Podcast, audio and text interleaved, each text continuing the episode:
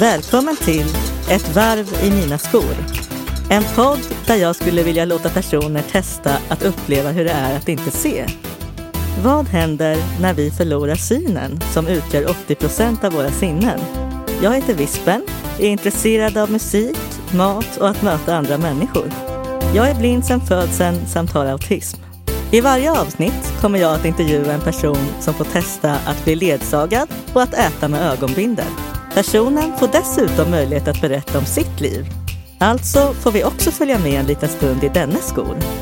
Så här lät det när jag träffade Johan Palmborg som är fotograf, konstnär och låtskrivare. Hej! Nu sitter jag här med februaris gäst och det är Johan Palmborg. Hej Johan! Hej Vispen! Hej! Hej! Och eh, vi kom hit precis och du har blivit ledsagad och har nu en ögonbindel på dig. Upplevde du någon skillnad när du blev ledsagad? Du har ju gått den här vägen väldigt mycket tidigare som vi gick nu, men kände du någon skillnad nu? Mm, absolut. Trots att jag liksom har gått där ganska många gånger så direkt blev det väldigt eh, annorlunda. Man kunde inte bedöma liksom avstånd eller någonting. Okej. Så jag var glad när jag fick tag i den här ledstången här. Då hade jag någon form utav... Men sen när den tog slut då var det liksom ovant igen. För Av, avstånd och allting försvinner helt. Ja, Liksom. du upplever alltså ungefär samma sak som Sayam gjorde. Han Ja. berättade också just det, att det här med avståndet det är ganska svårt att bedöma Det är faktiskt. jättesvårt. Jag kan ju också tycka att det är ganska svårt. Jag är svårt överhuvudtaget att orientera mig. Men det är intressant att ni båda har samma upplevelse av just avståndet. Mm, mm.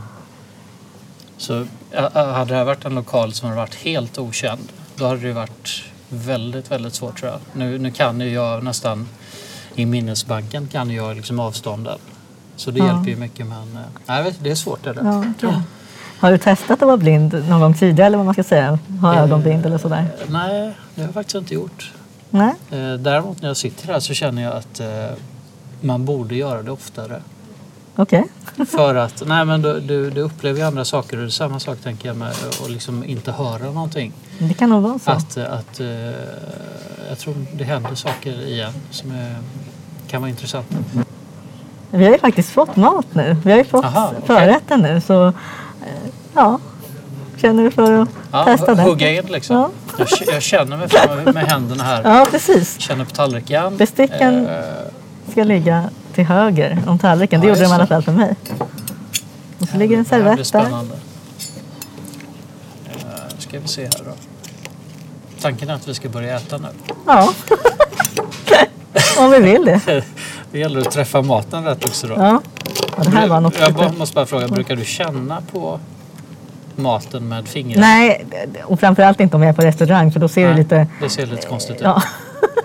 Men däremot... eh, Men det skulle jag gärna vilja göra. Liksom. Ja, Skulle vilja känna på det maten. kan du nog göra om du vill. Eh, Men eh, hemma så, nej jag skulle inte säga att jag någonsin direkt gör det om jag inte äter någonting sådär som pizza eller hamburgare eller tacos eller något där det är tillåtet. Och jag kan ju tycka att sån mat är skön att äta, framförallt när jag är med andra just för att då behöver jag inte tänka på det här med att skära och grejer. Och, Ja, jag tror det här är en eh, missbildad gorbys tror jag det mm, här var någonting som jag inte är så förtjust i i alla fall. Jag vet inte Som vad jag det är. tuggade på. Jag, jag ska försöka få upp någonting på gaffeln här. Ja, stor bit fick jag. Ska se. Mm.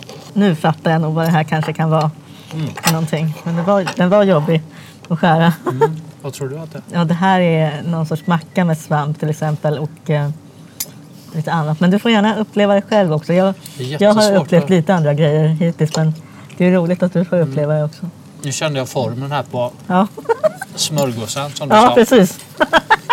Och, eh, men nog- nog är det lite god svamp.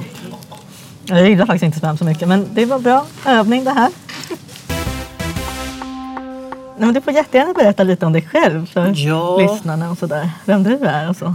Jag är en filur på ganska många år. Ska jag säga gammal jag är? Nej, Du får bestämma själv Nej jag säger inte gammal jag är. Det, det, vi låter det vara lite hemligt. Däremot så eh, ja, jobbar jag ju här på Bazar eh, och är lite som assistent, coach åt eh, olika människor. började med att jag jobbade med eh, en kille som utanför Bazaar, man ska säga, som hans personliga assistent. Så kom jag in på media, grunden media och Bazaar. Och dessförinnan då så har jag jobbat som fotograf i eh, ja, 25 år kanske, Mm. som egen företagare. Och Precis. Det började faktiskt med varför jag blev fotograf. Jag hade intresset sedan länge tillbaks men inte sådär. Jag stod i mörkrum, du vet, när man var ung och sådär och hade någon fotokurs i högstadiet. men sen så eh, har jag alltid varit väldigt intresserad av musik. Och skriva musik, skriva låtar. Eh, och kämpade med det liksom sådär väldigt aktivt tills jag var ungefär 30. Ja. Och där var jag nära, väldigt nära att få ett skivkontrakt i Stockholm. Jaha. Eh, och på den tiden så skickade man ju in kassettband liksom sådär. Och så fick man ett svar tillbaks brevledes i ett kuvert Mm. i, i posten. Då blev man jätteglad. Och så ofta stod det att man inte, inte eh, fick något skivkontrakt. Men så eh, vid ett tillfälle så, så var det en, en ganska känd producent i Stockholm som spelade in mig och mina låtar. Och där var det jättenära att jag skulle ge ut någonting på ett stort bolag. Men så hände någonting som, jag vet inte om jag snubblade bort det eller vad det var men eh, eh, jag visste inte riktigt hur jag skulle bete mig där så att eh, det blev ingenting. Men allt var inspelat och klart alltså? Nej, men jag hade gjort en demo med det här. Det var Lisa Ekdahls producent eh, som hade spelat in mig strax efter hon gjorde sin debutskiva. Och eh, sen sa den här skivbolagsdirektören att, eh, att jag, eh, vi skulle ge ut, ge ut en promotion-CD med mig. och jag tyckte det var jätteroligt och kanon så jag kom ner och så ringde jag den här, producent, eller den här, ja, den här eh, producenten igen. Men då, då tyckte han att han hade gjort jobbet så då lämnade han allting och då visste inte jag vad jag skulle göra. Så då typ rann det ut i sanden. Oj, ja, det är lätt att det kanske kan bli så. Ja, så att, men varför jag säger det här är för att då hade jag kämpat så länge med musik och då tröttnade jag lite på musiken. Och då ville jag hitta något annat som var kreativt, något när, när besläktat. Ja, precis. Och då började jag med fotografi. Mm. Eh, började plugga i Stockholm i eh, kanske två års tid. Aha. Och sen fotografyrket är ofta sådär alltid varit eh, vad ska jag säga, ett hantverksyrke. Så att eh, ofta utbildar man sig via att vara assistent åt redan etablerade fotografer. Så efter skolan i Stockholm så var jag assistent i Stockholm något år och sen kom jag in på en skola i New York, USA och gick där i ett år och sen efter det så var jag även assistent i New York då till diverse fotografer. Och då hade jag, det var kul för att då hade, hade man ju hört den här liksom, ja, anything is possible i, i Ja. USA. Liksom sådär. Ev- Everything kanske heter. Ja. Och eh, så då efter, efter lite sådär eh, detektivarbete och några samtal så hamnade jag hos två av världens största fotografer. Jaha. Eh, så jag jobbade delvis hos Irving Penn som ja, kan väl likställas med nästan med Rembrandt inom fotografin. Och sen hos en något yngre gubbe som heter Albert Watson. Och han är fortfarande väldigt stor och aktiv liksom. Så det var väldigt spännande att se. Då klev man rakt in i historien, i fotohistorien. Ja. Irving Penn, eh, ja, han var ju 82 när jag var där. Oj, oj, oj. Så att, eh, men han har ju varit med genom i princip hela fotohistorien och satt en prägel på det. Liksom. Mm. Det låter ju fantastiskt Ja, var roligt. Vad var du anställd där då på något sätt? Jag var, fick en anställning först hos Irving Penn. Eh, skulle vara ett halvår men sen efter typ två månader så tyckte jag att, eh, ja, jag tyckte att min, min tid var väldigt värdefull i New York också. Så att då sa jag upp mig därifrån. Kunde du inte ha stannat lite längre? Ja, det kunde jag ha gjort men jag kände att nej, jag vill ha ut lite mer av det här. Okej. Men eh, hans studio manager, var, jag var nog den enda första i världshistorien som har sagt upp mig hos Irving jag. Så jag fick gå på dagen. Jag sa till den här eh, studio managern som var där att eh, ah, men jag vet inte riktigt om jag ska vara kvar här eller känner att det händer inte så mycket. Nej, dörren är där sa han bara. Bakdörren, du går ut den vägen, bakdörren. Ja, så jag gick ut där. Du får inte träffa Irving Penn. Ja, tack och hej liksom sa han till mig. Mm.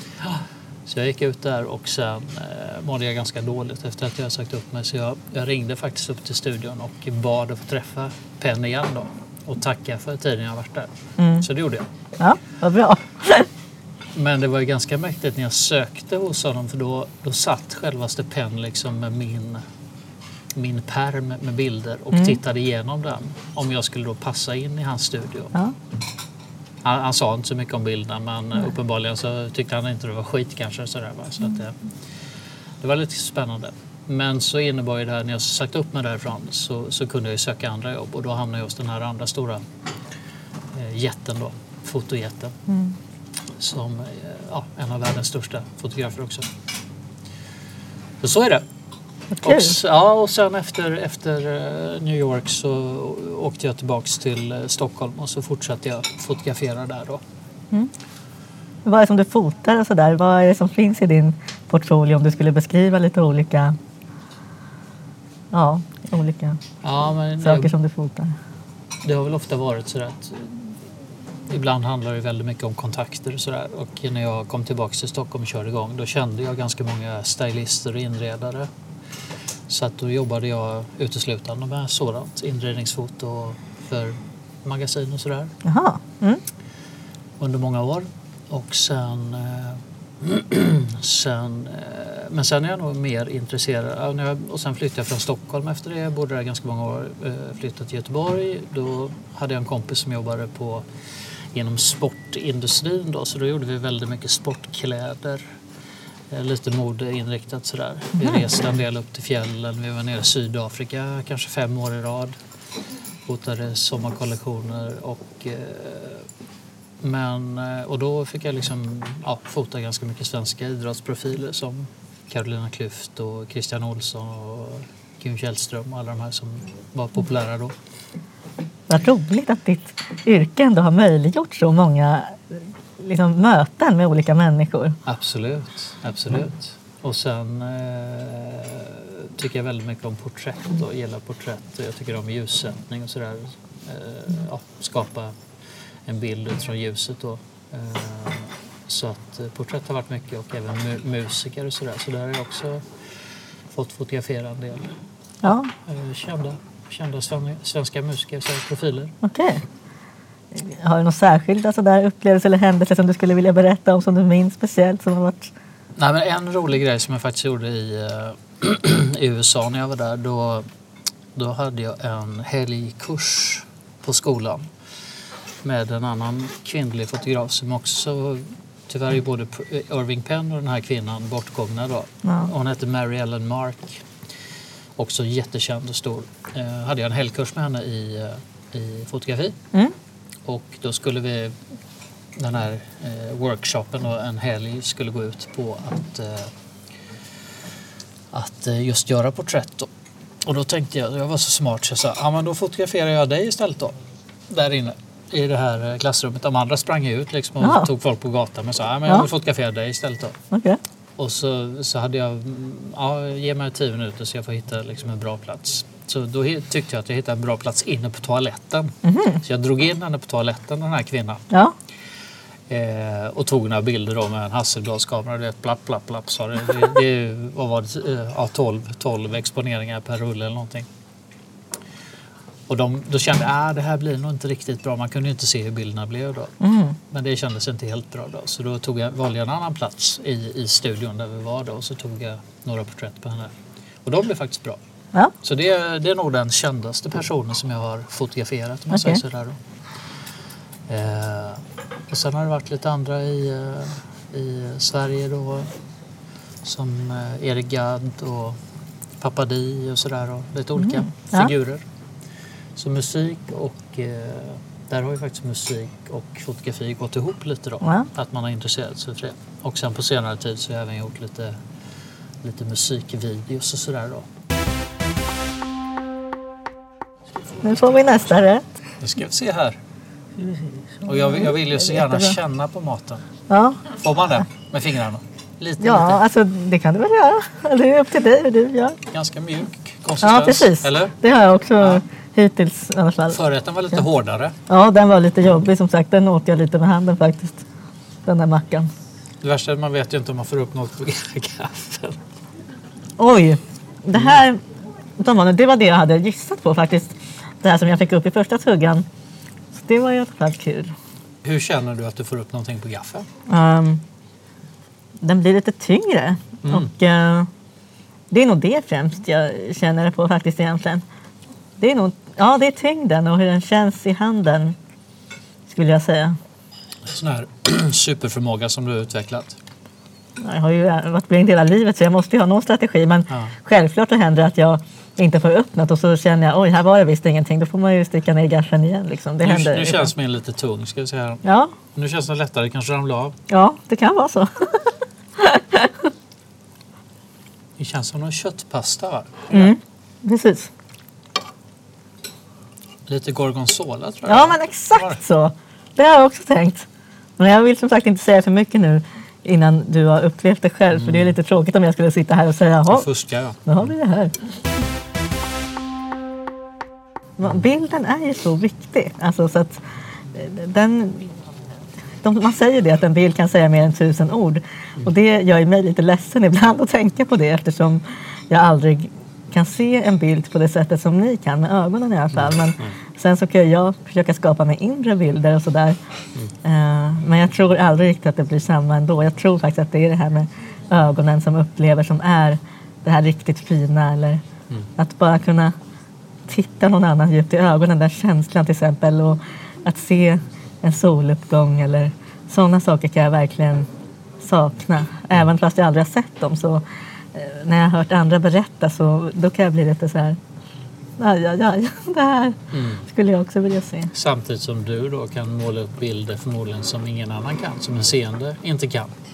Gissar jag. Jag tror faktiskt inte det. För att Tror jag, tror, jag vet till exempel att eh, när jag drömmer så drömmer jag bara som att synen inte skulle finnas där men att alla andra sinnen finns. Så att jag tror att, och jag har ju pratat med andra personer som har varit seende och blivit blinda senare. Mm. Och de har ju berättat för mig att de så småningom tyvärr, när de har varit blinda ett tag så tappar de eh, det här bildminnet som kanske fanns mycket i början. Men jag har ju pratat med människor som har varit blinda i kanske 20 år och de säger att ibland så kan de fortfarande få vissa bilder framför sig i drömmarna men inte alls lika tydliga som i början. Så det är precis som att när man inte använder ett sinne så ja, då till slut så glömmer mer. kroppen Ja, lite grann tyvärr. Ja.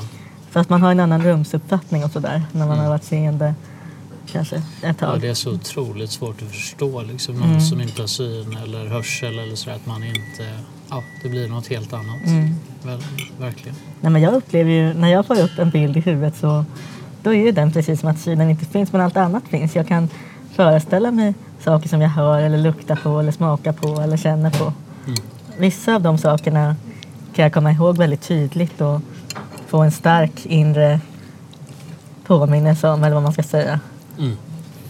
Ja, för du har ju skapat bilderna Ja, helt och hållet utifrån kanske vad de berättar eller... eh, Ja, ja vissa saker som man känner aldrig kan liksom. känna på. Nej. Som till exempel solen eller ja, du känner värmen Värme. liksom och Ja. så, så har någon berättat kanske hur det ser ut och så... ja, att den är gul, att det är ja. som liksom en rund och så, så här, saker som sticker ut från den. Liksom. Är det väl. Men eh, alltså, det, det säger inte mig någonting heller när man säger en färg. Det blir bara ett ord. Just det. Så det får ju inte någon direkt innebörd för mig. Förutom att jag har ju lila är min favoritfärg för att jag tycker att den låter bra. Men utöver det, jag kan ju aldrig veta hur den ser ut eller tyvärr få någon känsla utöver ett ord bara. Nej, jag tänker på det. Hur, hur tänker du färger liksom? Alltså sådär. Det, det är bara ett Det är ord. bara ett ord då, faktiskt. det är bara olika ord. Du har Ja. inga, referenser för övrigt. kan du inte ha. Liksom. Nej, för jag har inte sett eller ser inte ljus eller mörker heller så att det blir verkligen ingenting. Nej. Det är bara ett utfyllnadsord liksom. Så att det är Ja. svårt att, när jag till exempel vill skriva musik så är det svårt att ta in den, det perspektivet, det här bildliga och så. Det är därför det är svårt för mig Just att skriva just det. faktiskt. Att jag kan känna att det kanske saknas något att Mm. få in det så att seende också kan uppskatta min musik. Men förhoppningsvis så, ja, så kanske det löser sig ändå på något sätt. Mm. Vi får se. För det är ju väldigt intressant när vi har diskuterat eh, låtar och eh, skriva eh, texter. Mm. så utgår jag omedvetet från bilder. Alltid. Ja. Alltså sånt som man drömmer, tänker Mm. eller hittar på.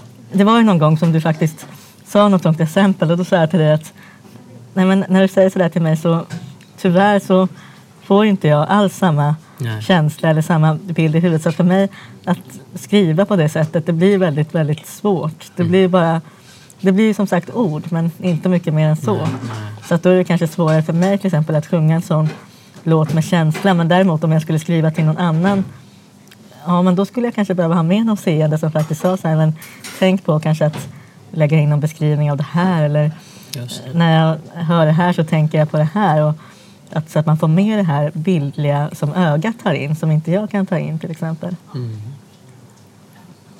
Å andra sidan kan man skriva då om känslor istället, vad man känner och hör. Och, Mm. Alltså man behöver inte ha dem i bilden med. Nej. Eller? Ja, men absolut. Spännande, spännande. Och Mm. här sitter jag i mörkret för första gången. Jag, jag har aldrig ätit med ögonbindel på mig. Nej, Jag tror jag ska göra det lite oftare. ja, varför inte? Lära mig sig något nytt. Ja, Ska se om jag kan fiska upp lite mat här. ja. Gaffeln känns lite tung. Mm. Man stod, en stor tugga den här gången. Faktiskt. Ja, det var jättegott var det.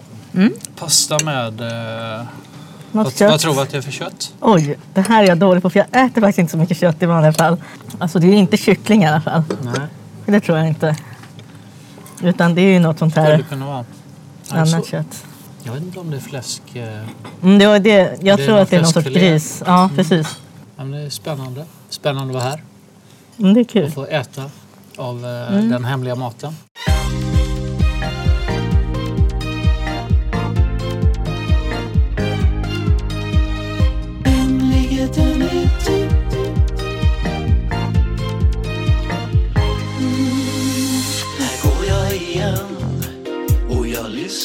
Tankar i vilande kvällen.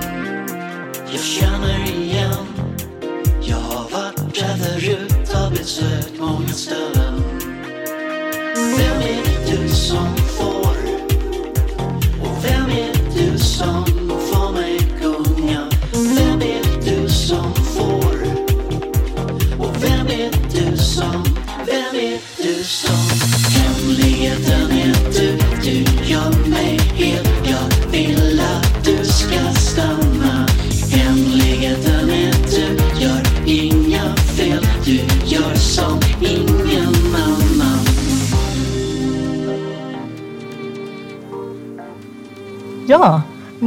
har vi precis lyssnat på en av dina kommande låtar som heter Hemligheten. Och, Just det. För du har ju redan pratat om att du håller på en hel del med musikskapande. Så du får jättegärna berätta lite mer om hur du tänker kring det och vad den här låten handlar om, kanske hur den kom till och så vidare. Just det. Nej, men jag, som sagt, jag har alltid varit intresserad av musik och skriva låtar och eh, sådär. Både för egen eh, del och för andra. Sådär. Och, eh, eh, Eh, jag har faktiskt, ska jag vara ärlig, så har jag faktiskt aldrig känt riktigt samma kreativitet inom fotografi trots att jag har jobbat med det inom 25 år som musik. Det är något annat med musik som, eh, som tilltalar mig. När jag skriver låtar så jag är ju ingen musiker på det viset utan jag kan lite ackord, grundackord och så letar jag fram till melodi, en melodi så att säga som jag tycker är bra. Och eh, är melodin tillräckligt bra så brukar jag klä den i ord då som i princip inte genomtänkta ord utan ord som bara kommer fram. Läten till att börja med. Så formar jag dem till ett ord som känns bra i munnen, som ligger rätt i, i tonen om man säger då. Ja, Och sen så eh, förhoppningsvis så går det här ordet eller de här orden att bygga en, en text på om man säger då. Och sen är jag ändå lite, eller ganska noggrann med textens innehåll men det blir ju ganska svårt för jag har alltid eller nästan aldrig något tema på texten utan det blir mycket känslor, okej. eh, lägen, man ska säga, beskrivningar av känslor då som är, kan vara lite flummiga sådär då, Mm, till höger och vänster. Glada eller sorgsna. precis. Eh, och den här hemligheten, eh, vad sjunger jag där? Det, det handlar säkert om någon person och det kan lika gärna, vara ett, ett, eh, ett skeende då, men det, det är någonting som känns lite hemligt. Mm. Både för mig och för omgi- omgivningen. säger Okej. så. Ja. Så att jag tänker att eh, vid sidan av fotografiet och eh, övrigt så kommer jag, kommer jag nog börja släppa mina egna låtar ganska snart här. Och då har jag märkt också att så fort man tar in en musiker eller några musiker som är duktiga då höjs kraven direkt på produktionen. Ja. För då måste allting vara bra. Om jag tar in en duktig gitarrist då måste trummor, måste bas och sång och allting vara bra. Istället för bara göra det själv. För då kan det ligga på en produktionsmässigt ganska låg nivå men tillräckligt okej. Eh, men att man använder känslan, bygger på känslan mer i låten. Det som har varit från början. Jag har ju lyssnat en del på några av dina låtar och det är ju väldigt mycket känslor som framhävs, precis som du också säger. Och det tycker jag är väldigt fint. Det är väldigt skört på något sätt och väldigt, du får verkligen fram de här olika känslorna. Så att jag känner faktiskt mycket när jag lyssnar på dina låtar. Det tycker jag är väldigt Mm, Kul, fint att det. Ja. Nej, men så tror jag också att det, det har jag märkt också ibland när man gör en låt som bygger på känslor och man har fått fram något känsloläge eller någonting. När man sen ska göra om den eller sjunga om den på ett bättre sätt. Mm. Redan där så tappar man ofta känslan i det. Du ska sjunga lite bättre, du sjunger inte så slarvigt utan det här slarviga eh, kan oftast vara bättre än det perfekta liksom. Ja. Eh, så det tror jag jag ska ta med mig och eh, ja, börja släppa helt enkelt. Ja. Så inom, eh, kära lyssnare, inom tid så kommer ni få höra Johan Palmborg släppa massa alster. Det tycker jag låter. Förhoppningsvis en, jag tänker mig en låt i månaden faktiskt. Ja, det är ungefär som jag som tänker med podden. En gång Ja, i månaden ja. är en rimlig nivå. Faktiskt. Men hur ser det ut i framtiden? Har du några planer i framtiden och sådär? För vad du vill åstadkomma. Du har ju berättat om det här med musiken redan och en gång i månaden. Hur ser det ut när det gäller foto? Mm. Eh, just nu så har jag pausat mitt fotografi lite grann. Mm. Eh, du har jobbat med annat. Eh, men däremot så saknar jag det ganska mycket så jag kommer att eh, gå tillbaks. Jag hade ju förutom, det jag har jag inte berättat men väldigt kort bara så under en eh, period av sju år kanske så drev jag ett fotogalleri i Göteborg också Ja. Som jag och en kompis öppnade. Och då eh, ställde vi ut både, framförallt andra duktiga fotografer och så ställde vi ut våra egna några gånger också. Sådär. Så det var kul. Men jag kommer oavsett så kommer jag fortsätta med fotografi som yrke. Delvis eller heltid eller eh, kanske mer som en, en fotokonstnär man säger då. Och göra konst, mer konstfoto och kanske då försöka sälja dem på olika sätt. Ja. På gallerier eller ja, på nätet sådär. Så det är en plan. Eh, har jag även tänkt att kanske köra igång lite utbildningar inom foto och eh, Photoshop och sådär. Mm. Över nätet. Eh, och även till och med haft en galen tanke att flytta tillbaks till New York. Oj. Och eh, via de kontakter jag fortfarande har där kanske ja, jobba lite inom fotografi också. Men den, eh, den känns inte lika verklig just idag. Hur gör man om man vill komma i kontakt med dig? Finns det något? Har du något Då sånt? kommer man hem till mig och ringer på min ringklocka på dörren. Ja. Nej, men eh, jag eh, kommer vara aktiv på min, framförallt min hemsida palmborg.se eller eh, via Instagram och sådär. Så att eh, Johan Palmborg, fotograf, kan man söka på. ja, men då så. Mm. Då vet vi det. Yes. Vi ser fram emot, Mm. jag ser fram emot att höra din kommande musik och sen så tror jag säkert att personer, jättemånga också kommer vilja se dina kommande foton. Så Mm. det blir jätte, det är jättekul att du ville vara med om Mm. det här och uppleva en stund utan syn helt Mm. enkelt. Tack så hemskt mycket. Det var Tack så jätte, jätte- jättekul. jättemycket. Tack för det. Skulle du också vilja uppleva en måltid utan syn? Eller har du kanske förslag på någon som du skulle vilja höra en intervju med? Kontakta mig på vispen. Ljudtekniker och producent i dagens avsnitt var Thomas Haglund. Musik av Johan Palmborg. Stort tack för att du har lyssnat!